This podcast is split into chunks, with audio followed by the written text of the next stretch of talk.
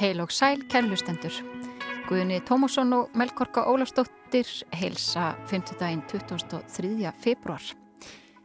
Í vísjádagsins reynsunar aðferðir, tilnefningar til bókmyndaveluna Norðurlandaráðs og Stephen Hoff, pianistinn ræðir Rachmaninoff. Rétt fyrir hádegi í dag var tilkynntum tilnefningar til bókmyndaveluna Norðurlandaráðs í ár. Ljóðabókin Laus blöð eftir Ragnar Helga Ólafsson sem Bjartur gefur út og skaldsagan Ljóskildran eftir Guðuna Elísson sem Lestofan gefur út eru tilnemndar til velunana fyrir Íslands hönd. Dómnemdir Norðurlandana tilnefna í ár samtals 14 verk til velunana en sameileg Norræn dómnemnd velur vinningshafa ársins og verða velunin afhengt við hátilega aðtöfni tengstum við 75. þing Norðurlandaráðs í Oslo 31. oktober. Jórun Siguradóttir, bókmyndasérfræðingur Rásar 1, var í Gunnarshúsi í morgun og við fáum hana til að líta við hér í upphafi þáttar og leggja lauslegt mat á tilnefningarnar. Og við heyrum líka nánar af verkum hins tilnefnda bókmyndafræðings og reytöfundar Guðuna Elíssonar. Ég greta Sigriður Einarstóttir, bókmyndarínir við sjár, segir okkur í dag skoðun sína á annari skáltsögu Guðuna, svo heitir Brimhólar og kom út hjá lestofunni í november síðastlunum. Í kvöld mun bresk-ástralski stórpianistinn Stephen Hoff leika hinn tilfinningaþungna og sífinsæla pianokonsert nr. 2 eftir Sergei Rachmaninoff á tónleikum með Symfóniljónsitt Íslands í Elborg. Við tökum aðeins púlsin á þeim merkilega manni og hitum að því upp fyrir kvöldið sem margir unnendur klassiskra tónlistar hafa beðið eftir með tillökun. Og við lítum líka við í sapnaðarheimili Neskirkju þar sem myndlistamæðurinn Arnar Áskesson var í óðaðan við uppsetningu og verkum sínum í morgun fyrir síningu sem opnar næsta sunnudag þar á bæ og ber teitilinn Reynsunar aðferðir. Þar verða stæltir Karlmanns líkamar í plastflösku formi sem að minna helst á grískar eða rómverskar stittur líkama Krist eða jafnvel hinna íkonísku Sjánból Gautier ilmvatsflösku sem að finna má í mörgum unglingsherbyggjum. Já, ég held hún sé bara í skápnum mínum heima líka. en í þessum flöskum er ekki að finna ilmvatn eða heilat vatn, heldur ímsar reynsiförur, svo sem klósettreynsið, spritt, uppþóttasápu og jáfnvel klór. Arnar Áskesson segir okkur nánar frá síningunni í þætti dagsins og hugmyndafræðinni á bakvið reynsunar aðferðir. Hér er lókþáttar. En Jórun Sigurðardóttir er komin til okkar Þú varst nýri Gunnarshúsi rétt aðan í dag eða fyrir í morgun. Jú, jú, klukkan 11 var þetta tilkynntað í íslenskum tíma. Já. Er það spenna í lofti alltaf? Já. Já, það er spenna í lofti og ég verð alveg að viðkynna, ég er alveg spennt eins og smákrakki uh, þegar þetta er tilkynnt. Því að þetta opnar einhvern glugga inn í sko svo stórt samtímaskáldskapar mm -hmm. og nýjur höfundar sem ég hef aldrei heilt nefnda segir þarna og tækifæri til þess að láta benda mér á framúrskarandi verk mm -hmm. því að það er mikið lagt í þetta val, það er sérstakar valnemndir í hverju landi og, og það er hafa yfir sín bara yfir flest allar bækur sem að komið hafa út á þetta eru bækur frá síðasta ári á flestum Norðurlöndunum en eh, hjá okkur og eins á Grænlandi og Færiðum þá er, er líka bækurnar yfirleitt uh, tvö ár tilbaka mm -hmm. og uh, ég veit ekki alveg af hverju það er hvort það var út af þýðingunum mm. sem að þarf að yfirleitt að gera á þessum bókum mm -hmm. eða hvort það bara er vegna þess að það er kannski ekki alveg marga bækur allavegin í færium og grænlandi Já, þetta er stóru mikið velun að hafa verið veitt hvað frá 1962? Já, þetta er orðið meirinn 60 ár síðan velunum voru aðfindi fyrsta sinn mm -hmm. Akkurat, jú, þetta eru mikilvæg velun og þetta eru ekki síst mikilvæg velun fyrir þær þjóðir þar sem að fáir tala tungumálið eins og færiðar grænland og Finnland jáfnveg líka og Íslandinga vegna þess að bækurna frá þessum löndum þær eh, eru þýttar til þess að allir í valnefndunum geti lesið þær. Og þá er til einhvers konar hráþýðing og það náttúrulega auðveldar þá kannski leiðin að komast í útgáfu á hinnum Norðurlöndunum. Mm -hmm. En tilefningarnar í ár Komur þér á óvart eða? E, íslensku tilnefningarnar, já, ég verð nú að segja það.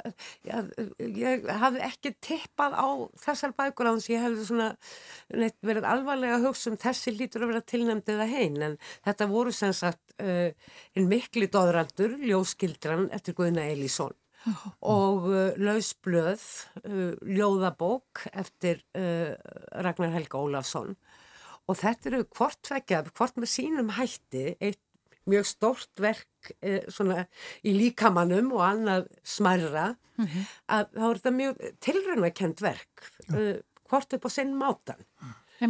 Guðin er þarna í stóru samtali, einstaklings og samfélags og sögu, hann er að fjalla um ástina og skáldskapin og, mm. og, og eins og ég segir þetta er eh, hátt í þúsund eh, blaðsina eh, bók Mikil talna speki á bakuðu textan og allt það? Jú, svo, svo er sagt mm -hmm.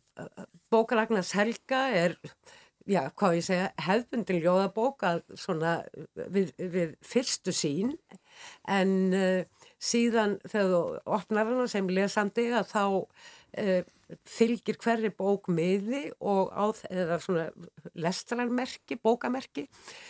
Og þar er, er listi yfir, það, það eru ljóðunum ræðað upp á nýjan hátt. Mm -hmm. þannig að ég segi ekki að hver lesandi fái sína röð á ljóðunum til að lesa og eru þá bara að fletta fram og aftur í bókinni. En e, það eru margir möguleikar Mm -hmm. og, uh, og þannig að þetta verður svona leikfang, ljóðu leikfang í leiðinni Einmitt. og bara og svo náttúrulega, svo fyndið ég held að, mér svo þetta fullir að Ragnar Helgi eigi útlitið á ljóskildrunni líka því að mm. hann er jú líka grafiskur hönnur og myndlistamæður ekki síður en, en skáld Einmitt. En þessi tilhörnumennska, er það lína sem hún sérði hinnum tilnefningum líka? Já, að sínu leiti, maður fenn náttúrulega alltaf mm. ósarrátt að leita að einhverju svona sameigilegu og í fyrra þá var uh, jújú, jú, bækurnar fjölluðu margar um ást og vald og, og svo leiðis, en utangarðsmennska, það að vera utangarðs í samfélaginu, það var aldrei svona ábyrrandi tema, þar að segja í fyrra, en núna finnst mér að vera annars vegar svona tilraunamennska, til að mynda teiknumyndasaga tilnemd, mm. -hmm. teiknumynda, uh, það er sænskur höfundur, Jóanna Rúbín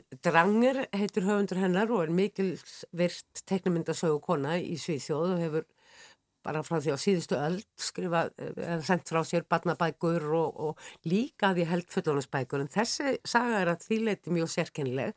Þetta er personleg saga á að hennar sem er forfæðra og um flótta þeirra frá, frá hérna Rúslandi hérna rúslandska keisaraveldinu mm. undan ofsóknum til Svíþjóðar og hvernig þessi fjölskylda kom sér fyrir í, í Svíþjóð.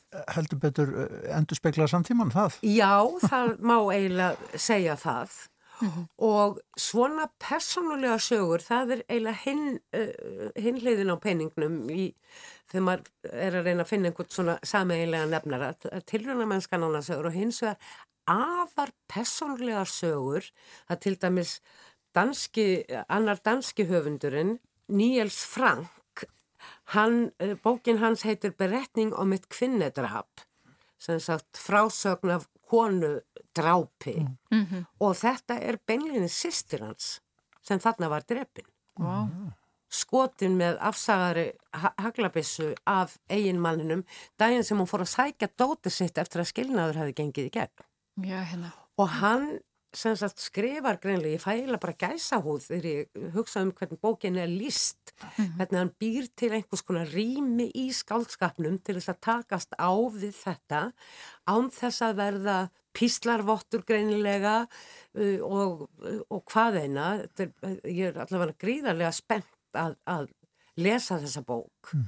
Eins er, má segja um bók uh, uh, álenska rittöfundarins. Ég hugsaði nú þegar ég sá uh, hérna fæðingar uh, ár hennar því að það er yfirleitt hafa verið svona eldri og ráðsettar konur sem hafa verið tilnefndar frá álandsegjum en þetta er ung kona Sandra Lundberg fætt 87 og uh, byrjaði að vinna sem bladamæður strax í mentaskóla og held því áfram og, og var sagt, aðal reitstjóri afþreyinga síðan aftonblaðsins meira að segja. Mm. Svo bara allt í einu bara klikkar eitthvað og hún bara vill ekki meir, segir starfið sinni lausu og, og ætlar að verða jógakennari mm -hmm. en afhjúpar svo skammu síðan hún eigi við mikil og geðran vandamál að stríða. Mm. og þessi bók sem hún uh, sem nú er tilnemd fyrir hönd álan segja heitir Konsten að inte hitta sig sjálf på Bali. Sem sagt listin að finna ekki sjálfan sig á Bali. Já, og er um þessa um þetta um það hvernig hún brýst um í þessum geðranu vandamálum. Já. þannig að þetta er líka svona ultra personuleg frásög sem byggir algjörlega á eigin lífi eins og mm -hmm. þessi bók eftir Frank sem ég var að segja frá áðan. Að, og það er ljóða frásög, þannig að formið er kannski líka Já, óhefbundi. Já, það er líka mm -hmm. aukin heldur sko. Mm -hmm. En þarna, einmitt, þannig er, eru álandsegerinni, auðvitað færaengar eh, en líka sko Grænland og, og og samar sérstaklega. Já, akkurat. Sko áherslan á þetta hefur aukist er það ekki á setni árum Ég veit nú ekki hvað að segja skal um það. En þessar þjóðir, sem sagt grænlendingar, álandsægingar færiðingar og samar, þeir ráða hvort þeir tilnefna eða ekki. Já, já. og eiga aðeins fulltrúi í valnefndinni ef þeir tilnefna. Já. og það hýðurlega hefur einhver einn þessara þjóðaði jafnvel tvær ekki tilnefn en á síðustu árum finnst mér að yfirleitt alltaf hafa tilnæmt uh -huh. og ég hef séð sko gríðarlega, hvað ég segja framför í tilnefningum skulum við segja uh -huh. að þetta voru gætnan sérstaklega hvað grænlendingar og samanvarðar eitthvað sem svona tengdist þeirra hefðum og trú og landslægi og rótum og svo framvegs en við, upp á síðkasti hefur þetta síðustu árin hafa þetta verið mjög hérna oft mjög flottar bækur og hvernig svona höfundar af þessum stöðum þessum litlu bókmyndasamfélögum sem eiga sér allt aðra eh, hefð og rætur heldur en við, ég að bli sent rítmál og svo framvegs mm.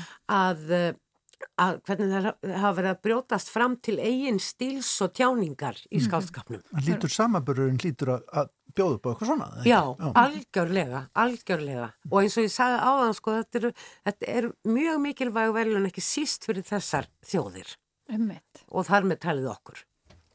Látum þetta verið að loka orðið. orðið. Já, um, takk einlega fyrir komuna og Við erum spennt að heyra meira. Já, Já ég ætla að segja fra, meira frá þessu allir saman í orðum bækur á sunnudagin. Heldur betur. Fólk leggja við hlustið þar og hún fer nánar yfir þetta allt saman. Já, það verður í þættinum orðum bækur á sunnudagin. En við ætlum reyndar líka að halda okkur áfram við tilnemdan höfund. Jú, heldur betur. Ljós Gildra, Guðna Elíssonar, svo sem í dag hlaut tilnæmningu til bókmyndavelina Norðurlandaráðs kom út árið 2021 og var fyrsta skaldsaga höfundar. En önnur skaldsaga hans, Brímhólar, kom svo út fyrir síðustu jól. Greta Sigriður Einarstóttir hún laug nýverið lestri á þeirri bók og tekur nú við. Það er kannski einföldun að halda því fram að í smábæjum á Íslandi ríkir lénsveldi en þó má benda á að fjársterkir atvinnureikendur sér í lægi þeir sem eiga kvóta hafa eignarhald á auðlindum svæðisins og borga svo öðrum fyrir að uppskera verðmætin fyrir sig.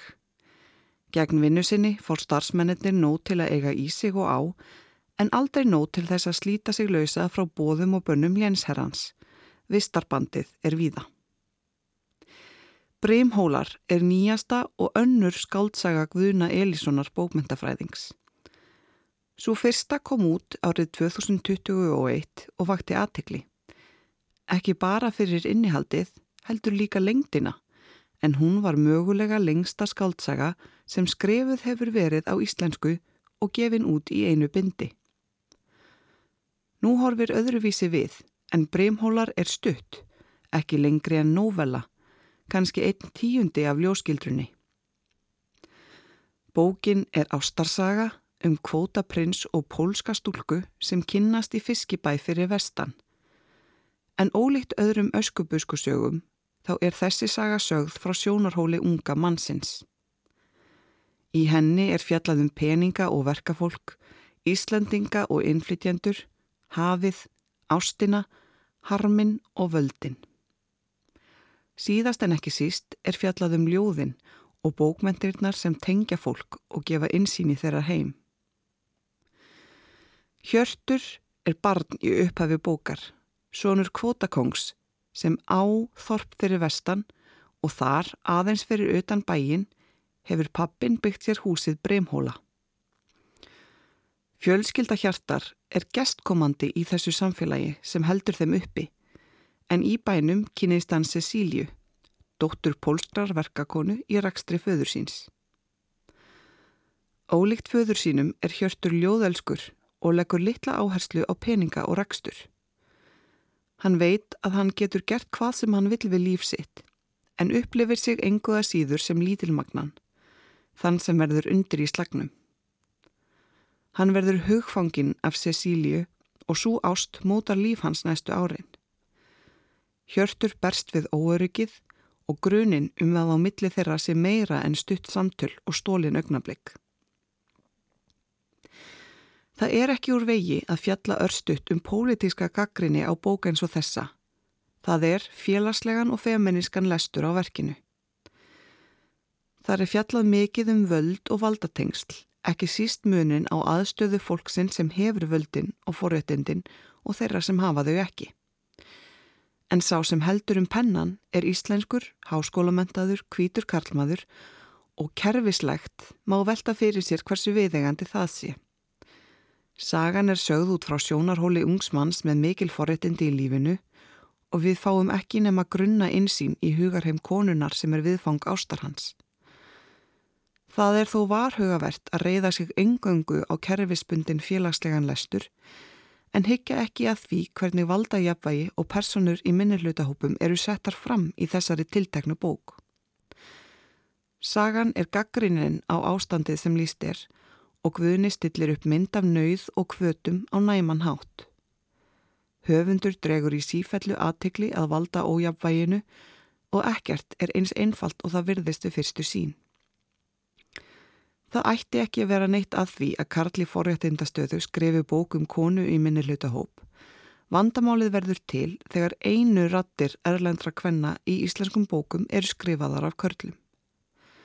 Þó má benda á að nýlega hefur útgáfa af bókum eftir aðflutt skald færst í aukana og hægt að vona að svo þróun haldi áfram að stöðla að auknum fjölbreytileika á íslenskum bókamarkaði og fleiri röttum sem vika sjóndildaringin. Byrtingamindir kvenna af erlendum uppruna í íslenskum bókum ættu að sjálfsögðu að fást líka í þeirra eigin orðum ekki bara frásögn af upplifuninni frá sjónarhorni þeirra sem alist hafa hér upp frá blötu barnspenni. Guðni er profesor í bókmyndafræði og yfirgripsmikil þekking hans skín í gegnum tekstan. Á stöku stað svo nóg er um. Personur vittna reglulega í uppáhaldshöfunda, helst bresk og polsk ljóðskáld og ljóðin eiga í beinu samtali við framgang sögunar. Personur úr sögum og ljóðum og lungulátin ljóðskáld verða nánast að auka personu. Á stöku stað sér í lægi í upphafi bókar fannst mér fullant gengið í umfjöllunum ljóð, skáld og aðrar menningartilvísanir en það hægist á allri framvindu á meðan. En Guðni er lungin í að nota vísanir í bókmyndasöguna sem boðskort en ekki hlið. Í stað þessa líða eins og maður skilji ekki söguna ef maður þekkir ekki drengin frá vinandir eða ljóð Vislafa Simborska vekur höfundur hjá manni forvitni um efnið sem vísaðir til. Þó bókin sé stutt í blaðsíðumtalið gæti hún orðið til þess að lestur verði talsvert meiri en sem nefnur 134 síðum.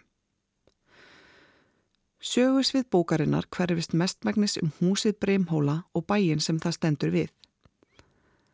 Personutnar velta fyrir sér hver tilheyri hvaða stað og hvers vegna.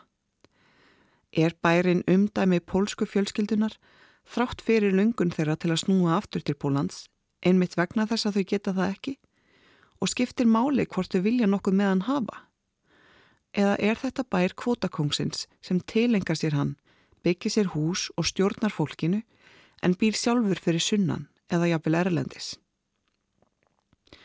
Á tímum harðrar kjarabaratu er nöðsilegt að velta því fyrir sér að hér er meira en krónur og öyrar í húfi.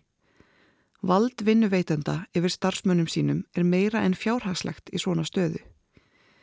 Í landi þar sem því er reglulega haldið fram að stjættaskipting sé lítil sem engin er holdt að horfa aðeins í eigin barm.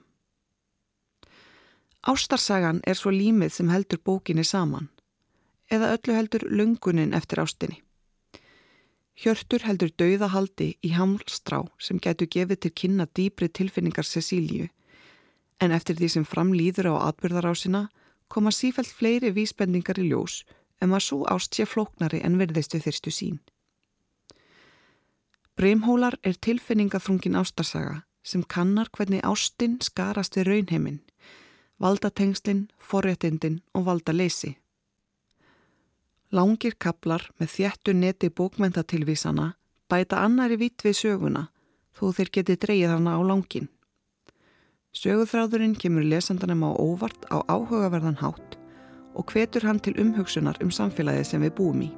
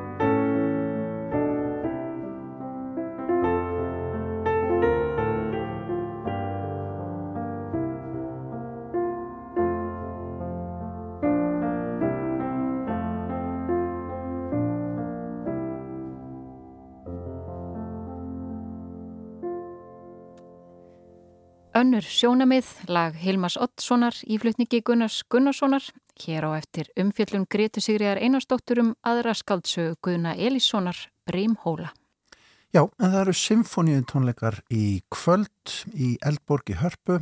Það eru tvö verka efniskráni, Píjónukonsert nr. 2 eftir Sergei Rachmaninoff og Symfónia nr. 10 eftir Dimitri Shostakovich. Einleikari kvöldsins heitir Stephen Hoff, hann er breskur margreindur píanisti.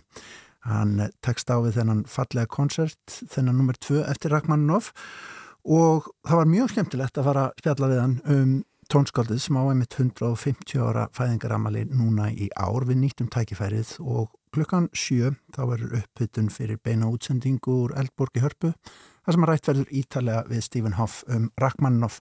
Við skulum grípa aðeins niður í spjallokkar þar sem ég var að ræða við hann um þessa rosalegu laglínu gnótt sem að er í verkum Rachmaninoffs og þá ekki síst í þessum frægu pianokoncertum og þá aðalega þeim nummer 2 og 3 en -hmm. heyrum aðeins hvað hann að segja. Yeah, you know, he wrote these amazing tunes that, that we, you know, here we are a hundred years later still singing them. They still speak to us. Um, it was not what the musicologists predicted. They thought his music would die out because it was sentimental and second rate and everything else. We now realize more and more what a brilliant composer he was, just from a, an intellectual point of view, as well as being someone who wrote music that people love. Uh, and that's an incredible gift to write something, whether it's a book or a piece of music that somebody loves, that, that changes someone's emotions. And not many people have that gift, and he certainly had it. But I think what's very important is is it's not just the tunes. He's not just someone who writes tunes and something underneath. What Rachmaninoff does is is is is harmony. And that's where the emotion is in these harmonies. You could take any of these tunes Menn álítu tónlist Rachmaninoffs oft of tilfinningaríka í samtíma hans, annars flokks. Við vitum núna hver snjált tónskáldan var og það er mikil náðargáfa að semja tónlist sem fólk elskar, sem að hefur áhrif á tilfinningalíf þess. Þann hæfileika hafa ekki margir, en hann hafi Rachmaninoff. En Sergi Rachmaninoff var ekki bara laglínusmiður, það er harmonían, hljómfræði verkana sem að skiptir öllu máli. Þar býr tilfinningin og Bach var ekki einnum að vera góður í kontrapunkti, segir Hoff. Rachmaninoff var það nefnilega líka. Hann var raunni arftæki Tchaikovskis á margan hátt. Really what Tchaikovsky left us and, and made it a little bit creamier, a little bit spicier. Uh, you know, it's a it's it's like a, a, sort of garlic addition to the sauce, you know, but a little bit more. He took it to the edge. Nefna hvað að Rachmaninoff tók við tónhugsun Tchaikovskis og gerði hana aðeins rjómakendari, aðeins kryttaðari. Þetta er aldrei eins og að bæta kvítlaugi út í sósuna. Hann tók þetta fram að brúninni. Já, það er gaman að hlusta á Stephen Hoff tala um tónlist.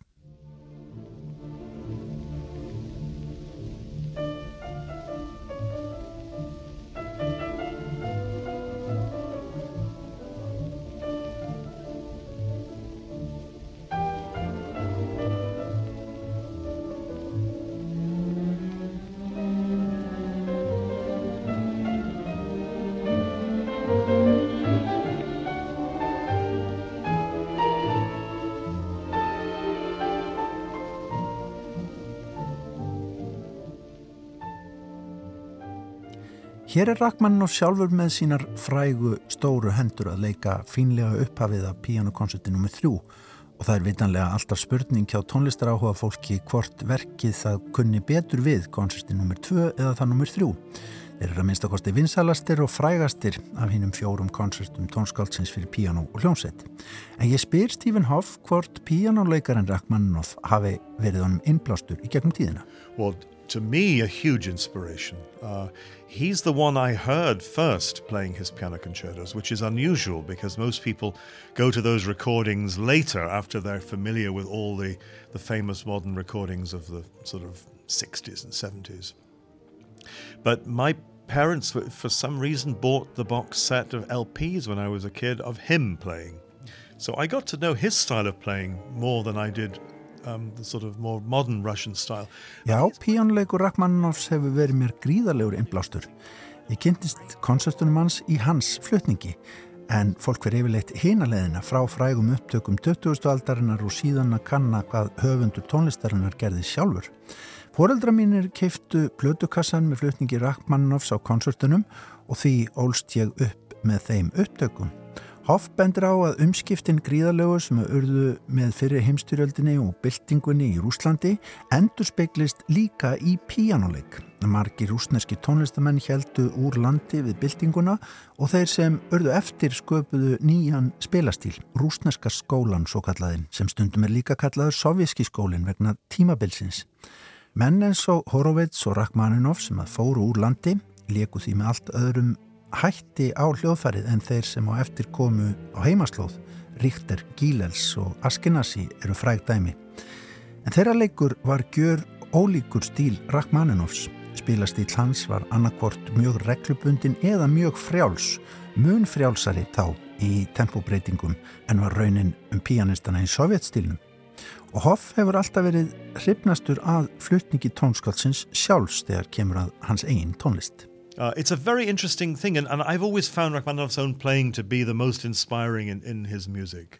Og það er þetta með frelsi, það að leifa sér að tegja og toga aðeins tónlistina í rithmanum sem fengið hefur Hoff, kannski með nokkuð augrandi hætti, til að segja stundum með nefndu sína í gegnum tíðina að þeir geti ekki síst lært að meðhundla tónlist Rachmaninoffs með því að hlusta á þennan hérna. I'd sacrifice anything come what might for the sake of having you near in spite of a warning voice. Comes in the night and repeats, repeats in my ear. Don't you know you fool you never can win. Use your mentality wake up to reality. But each time I do, just the thought of you makes me stop before I begin. Because I've got you under my skin.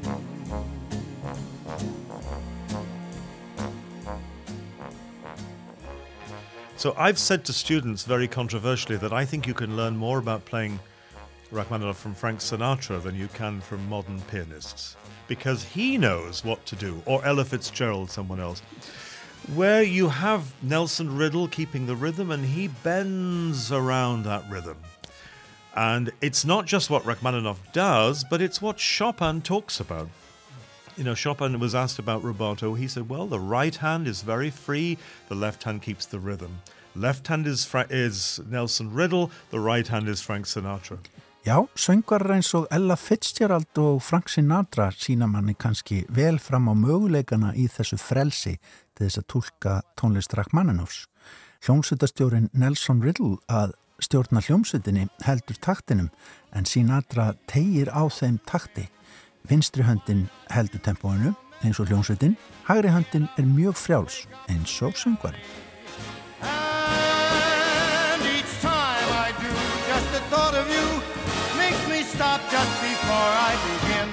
Because I've got you under my skin and I like you under my skin.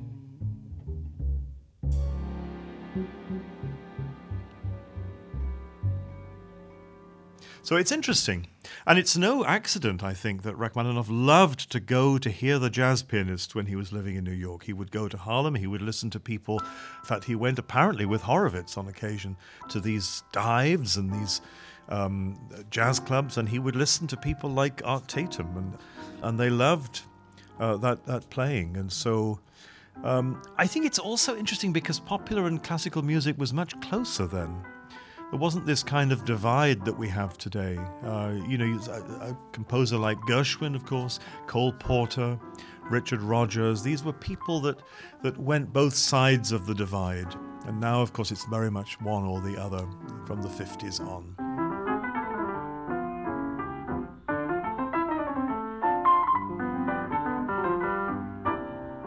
Og það er áhugavert að Rachmaninoff elskaði að fara á jazzklúbana stundu með Horowitz kollega sínum til að hlusta á jazzpianista þess tíma, menn eins og til dæmis Art Tatum, en það var líka stittra á þessum tíma millir dægurtónlistar og síkildrartónlistar. En einleikari kvöldsins, Stephen Hoff, er hókin á reynslu þegar kemur að hljóðritunum sem að flestar hafa verið gefnar út hjá breska Hyperion merkinu. Tónlistin sem hann hljóðritar kemur úr öllum áttum Og þar er meðal annars hljóðritun af öllum konsertum Rachmaninoffs með symfóniuhljómsveitin í Dallas undir stjórn Andrews Litton. En Hoff hefur aðeins í litlu mæli hljóðritað soloverk tónskáldsins. I don't know why really. I've never quite been as attracted to his solo piano music as I have to the concertos. Uh, but it's it's not too late, I suppose, and I've I've certainly learned some of them to play at home, but just never f- sort of found a way to program them. But um, there are many beautiful things, of course. Is is there a different Rachmaninoff from from the concertos? Is it a different side of him?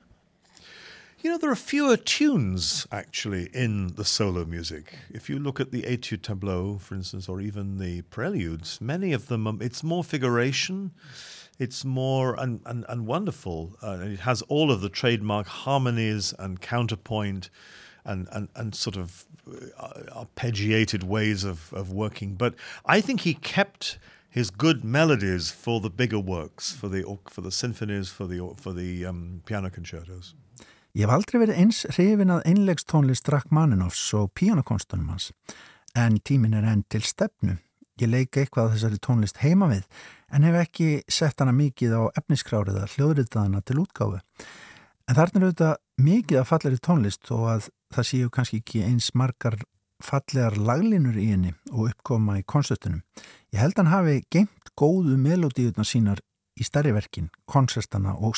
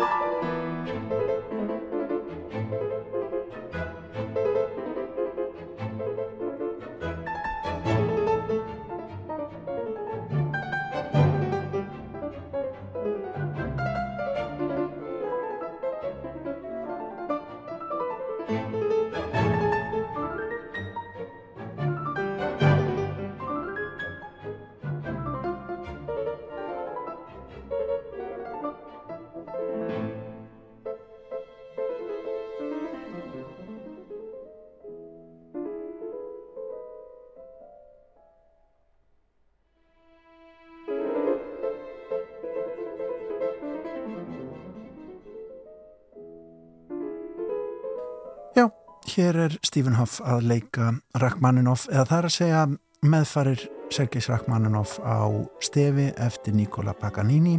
Þetta er úr Rapsodíu á því stefi eftir rúsneska tónskáldið og þarna er hann að leika með Fílarmóniu hljómsveitinni í Lundunum.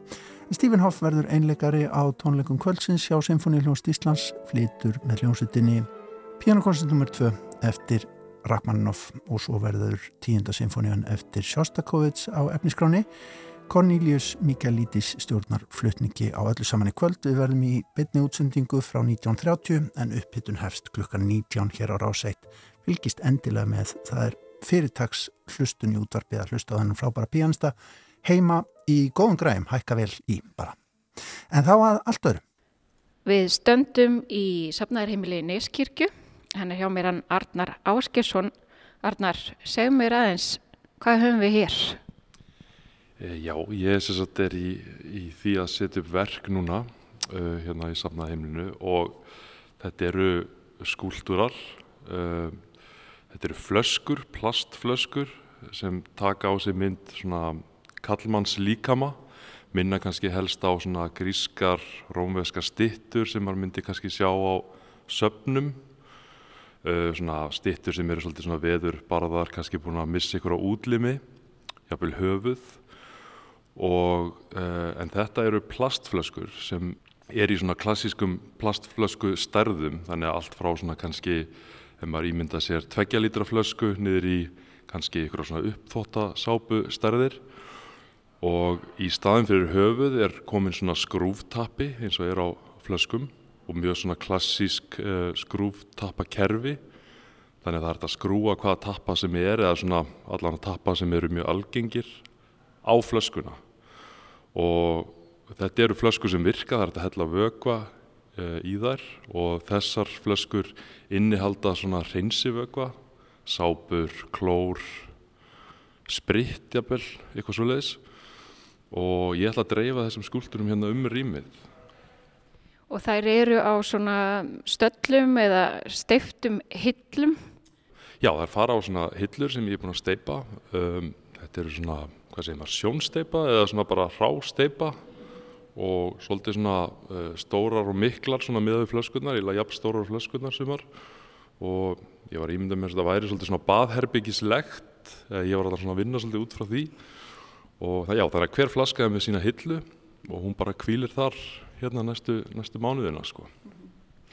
Þú nefndir rómverska stittur en þetta menni líka á ylvarsflöskunar Sjón Pól Goltier það er svona, kannast margir við þetta ég held þetta heiti sjómaðurinn. Ég er ekki alveg, alveg með þetta hreinu en hérna, ég held að það séu margir svona úlingstrákar allan á mínum þegar ég var úlingur sem áttu svona ylvatn og það er svona, já, eitt svona eh, einn svona tilvísunin sem ég er að vinna með.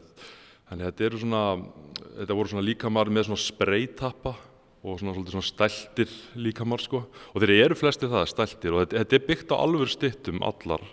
Þannig að þetta er ekki þetta er ekki ég sem bara teikna þetta þetta eru raunverulega stittur sem ég er aðeins svona að breyta.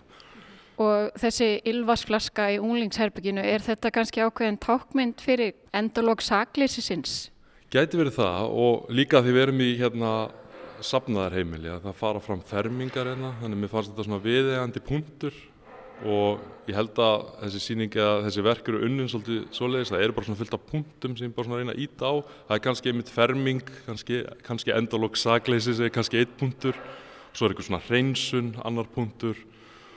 Og svona, já, ég meina eins og þess að líka með krist, ég meina ég, ég er nú ekki mjög kristin maður en, en mér finnst ég, ég alltaf taka eftir það mjög mikið að svona stæltum kallmanns líkumum í kirkjum almennt sem ég var svolítið bara svona áhört að halda svolítið áfram með sko, taka svona nýtt, nýtt tvist á það.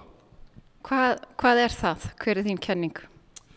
Uh, ég er ekki með eitthvað svona solid kenningu eða eitthvað úthugsaða kenningu en þetta er meira svona Uh, eitt svona stikkorðið sem ég er að vinna út frá. Ég myndi segja þetta sé allt svona stikkorð, Sjón Pól Koltier er eitt stikkorð, fermingar eru annað, reynsun annað.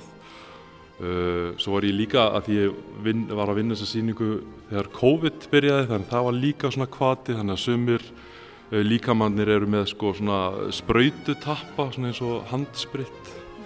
Þannig að þetta er svona fullt af punktum og svo getur fólk svona bara tekið það inn og svona velta þessu fyrir sér sko.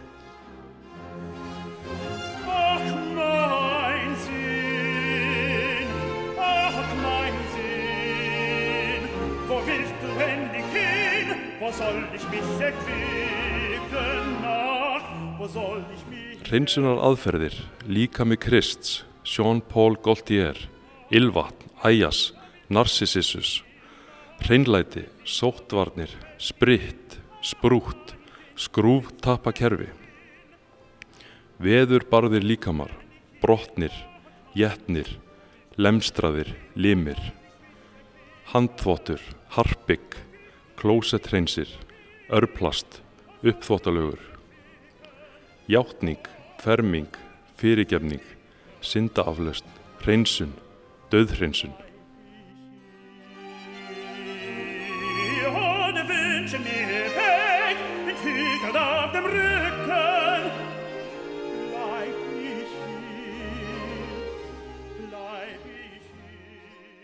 Þú ert að leika þér með kannski syndina og það að vera skítur og þurfa að reynsa sig af einhverju sem er óæskilegt.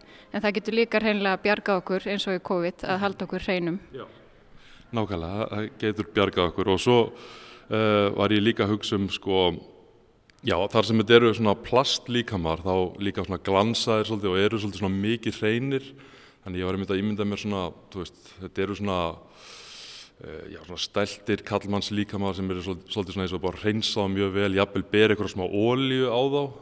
Þannig að mörguleiti kannski svolítið erotíst myndu sumir kannski segja. Og, og kannski er mikið svona myndefni ymitt úr hérna uh, kirkjum og bara biblíunni er kannski ymitt svolítið erotíst sko, var ég að velta fyrir mér.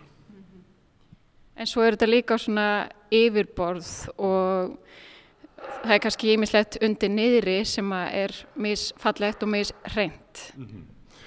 Já, ymitt, hérna, ég er svona, þegar ég var að sí, ég hef svona verið ymitt að vinna þessi smá tíma og ég hef svona alltaf reglulega sínt fólki svona hvað ég er að vinna og sagt já ég er að fara að sína þetta í kirkju og það er mjög svona mismunandi hvernig fólk bregst við sko, ég var til dæmis erlendis að vinna í Hollandi mikið af þessum verkum og þar fannst fólk þetta svolítið rosalegt að kirkja myndi leifa mér að sína, sína þessa skúltúra en uh, alveg frá byrjun hér allan hefur ekkert verið einn afskipti og bara svona mjög bara, mér svona bara gefið algjörlega frjálsar hendur og bara svona ekkert mál með það en þetta er greinilega kannski myndið kannski þykja eitthvað krassandi annar staðar, ég veit það ekki að því þetta er svolítið svona, veit, svona kannski svolítið, ekki kynferðislegt en kannski svolítið svona erotíst á einhvern nátt, sko.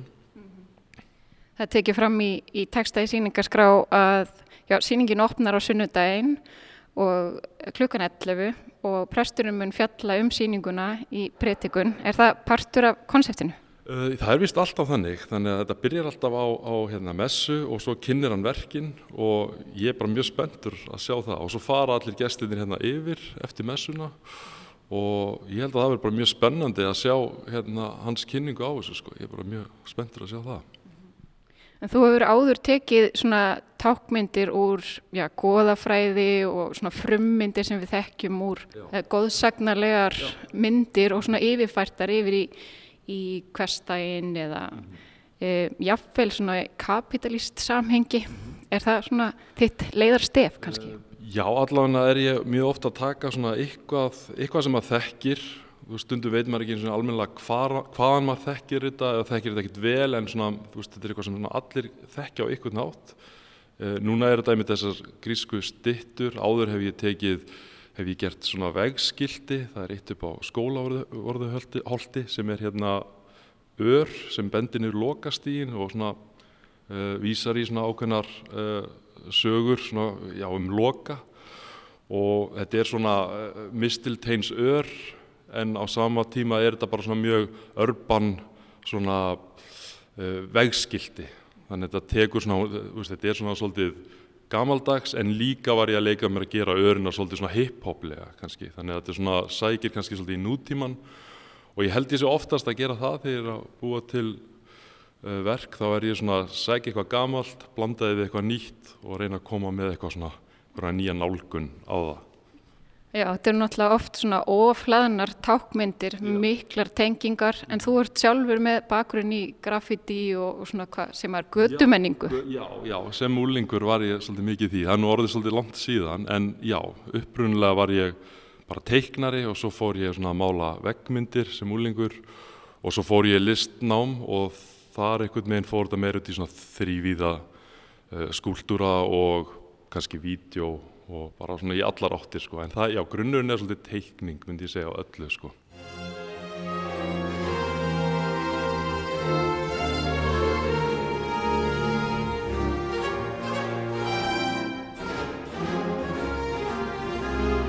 En eins og fyrirverk, ég man eftir sápum sem að voru svona þóshamars tákn einhver og, og svo voru var livjafólkið sem voru svona litlir mannskúltúrar gerðir úr um, livjum.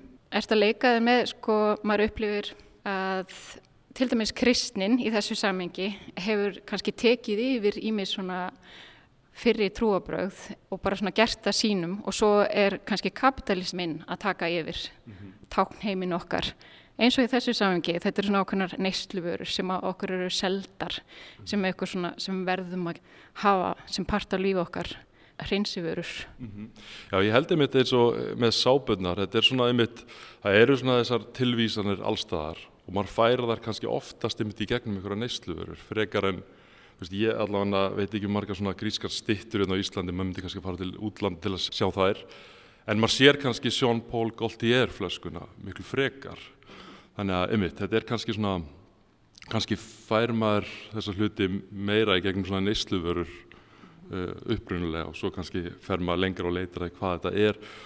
Og eins og með sábunnar þá var ég að leika mig svolítið að, að sko þegar alltaf þess að túristabúðir sprutt upp þá fór ég að sjá svona vikingasápa eða þú veist gæti alveg eða reykelsi og maður svo fyndin svona þetta kannski sögufölsun jafnvel eða ég veit að ég hef aldrei hirt um vikingasápu þannig að mér fannst þetta svona áhugaverðir svona punktar að og þetta er bara búið til og þetta er bara orðið ykkur raunveruleiki svo kemur fólk og sér já vikingasápa það er eitthvað, það er til núna. Þannig að af hverju ekki bara halda áfram með það sko, bæta í það sko, hugsaði Það er kannski alltaf verið að nýpa í ykkur svona veikleika eða ótt að við erum hrættu að vera skítu eða syndu eða mm -hmm. það er alltaf verið að sjáum fyrir okkur vikinga þegar ljóta að vera rosalega skítuðir Já, ég mitt, ég er náttúrulega, það, það gæti verið sko. Já, það var einhvern sem kallaði mig hérna baðherbyggislistamann um daginn, mér finnst það svolítið skemmtilegt, af því ég verið að gera sápur og svona heimilisliv og núna svona hreinsiförur, þannig að kannski er það bara framtíð mín að vera bara baðherbyggislistamann. Þú stefnir greinlega toppinn. Herriði, takk innlega fyrir spjallið, Arnær. Takk fyrir, takk hjá það.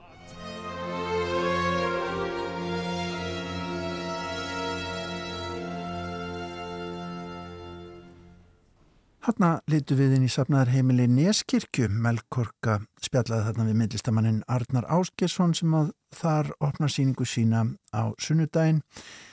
Síningin heitir Hreinsunar aðferðis. Og á þeim nótum líkur þætti dagsins og vikunni í Víðsjá. Við minnum á úrvalið á sunnudag klukkan 2 og á það að Víðsjá má finna á öllum helstu streyfinsveitum og í spilara rúf hvenar sem ykkur hendar hlustendur góðir. Já, og svo má benda það að við notum auðvitað samfélagsmiðla í gríð og örk. En við þökkum samfélgina, verið sæl.